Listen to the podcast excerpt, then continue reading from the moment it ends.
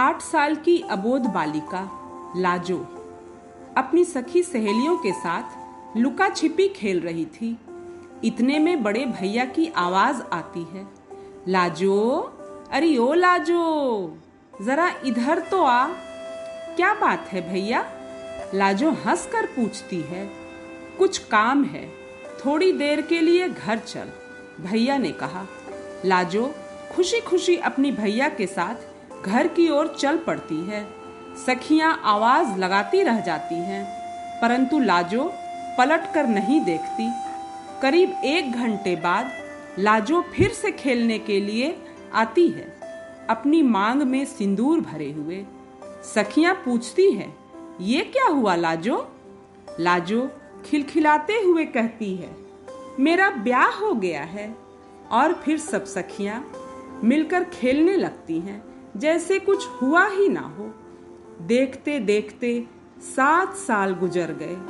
आज लाजो का गौना है। अब वह ब्याह का मतलब समझने लगी है। पूरा घर मेहमानों से भरा हुआ है। लाजो को ससुराल में कैसे रहना है? बड़े बुज़ुर्ग इसकी नसीहत दे रहे हैं। वो सबकी बातें ध्यान से सुन रही है। पूरा घर खाजा लड्डू की सुगंध से महक रहा है। इकलौती बिटिया है। कम से कम पच्चीस दौरा मिठाई का साथ में जाएगा ही। सुबह से हलवाई लगे पड़े हैं सब तैयार करने में।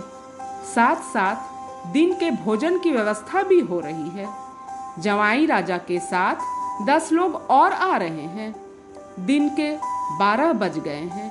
अभी तक नहीं आए वो लोग। सुबह दस बजे ही आने की बात थी।